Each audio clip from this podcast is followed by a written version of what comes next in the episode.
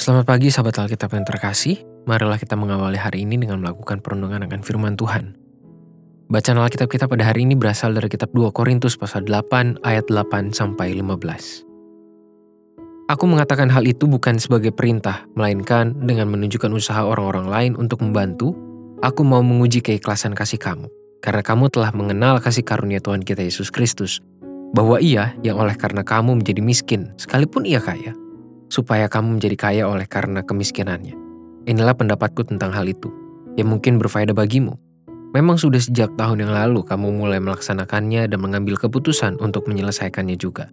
Maka sekarang, selesaikan jugalah pelaksanaannya itu. Hendaklah pelaksanaannya sepadan dengan kerelaanmu, dan lakukanlah itu dengan apa yang ada padamu.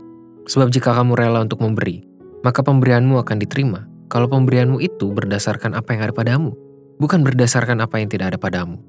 Sebab kamu dibebani bukanlah supaya orang-orang lain mendapat keringanan, tetapi supaya ada keseimbangan.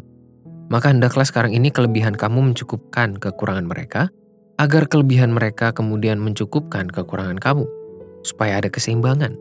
Seperti ada tertulis, orang yang mengumpulkan banyak tidak kelebihan, dan orang yang mengumpulkan sedikit tidak kekurangan.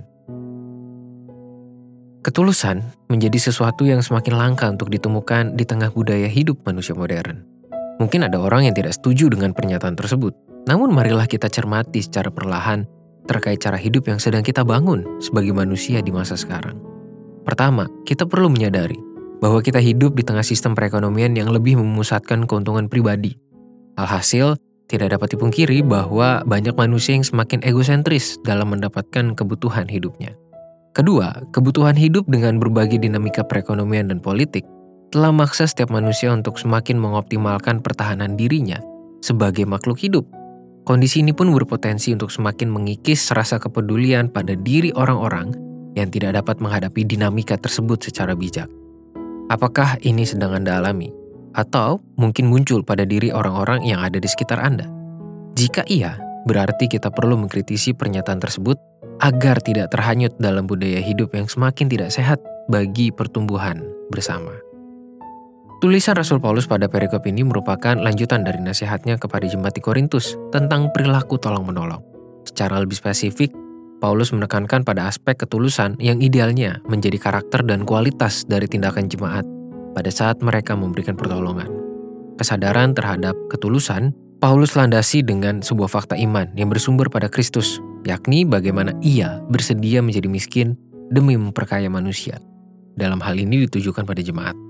Tentu, miskin dan kaya yang dimaksud bukan terbatas pada material, melainkan secara mendasar terletak pada dampak keselamatan yang kita alami di dalam Kristus. Paulus menggunakan tindakan kasih Yesus Kristus yang bersedia mengalami kematian demi menghadirkan kehidupan yang terbebas dari kuasa maut pada setiap manusia yang telah berdosa.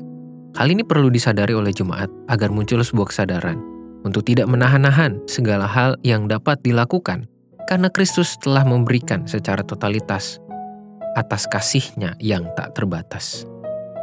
Sahabat Alkitab, nasihat dari Paulus telah menunjukkan bahwa sebuah ketulusan semestinya menjadi bagian dari diri setiap umat Tuhan. Mengapa demikian? Karena ketulusan merupakan karakter sekaligus indikator kualitas dari setiap tindakan yang dilakukan oleh umat Tuhan. Kemudian, ketulusan dalam setiap tindakan merupakan pancaran iman dari setiap umat yang mengakui penyelamatan Kristus dan menghargai tindakan kasihnya tersebut. Jadi, marilah kita upayakan ketulusan agar selalu menjadi nyata dalam hidup, bukan sekadar ide belaka. Marilah kita berdoa.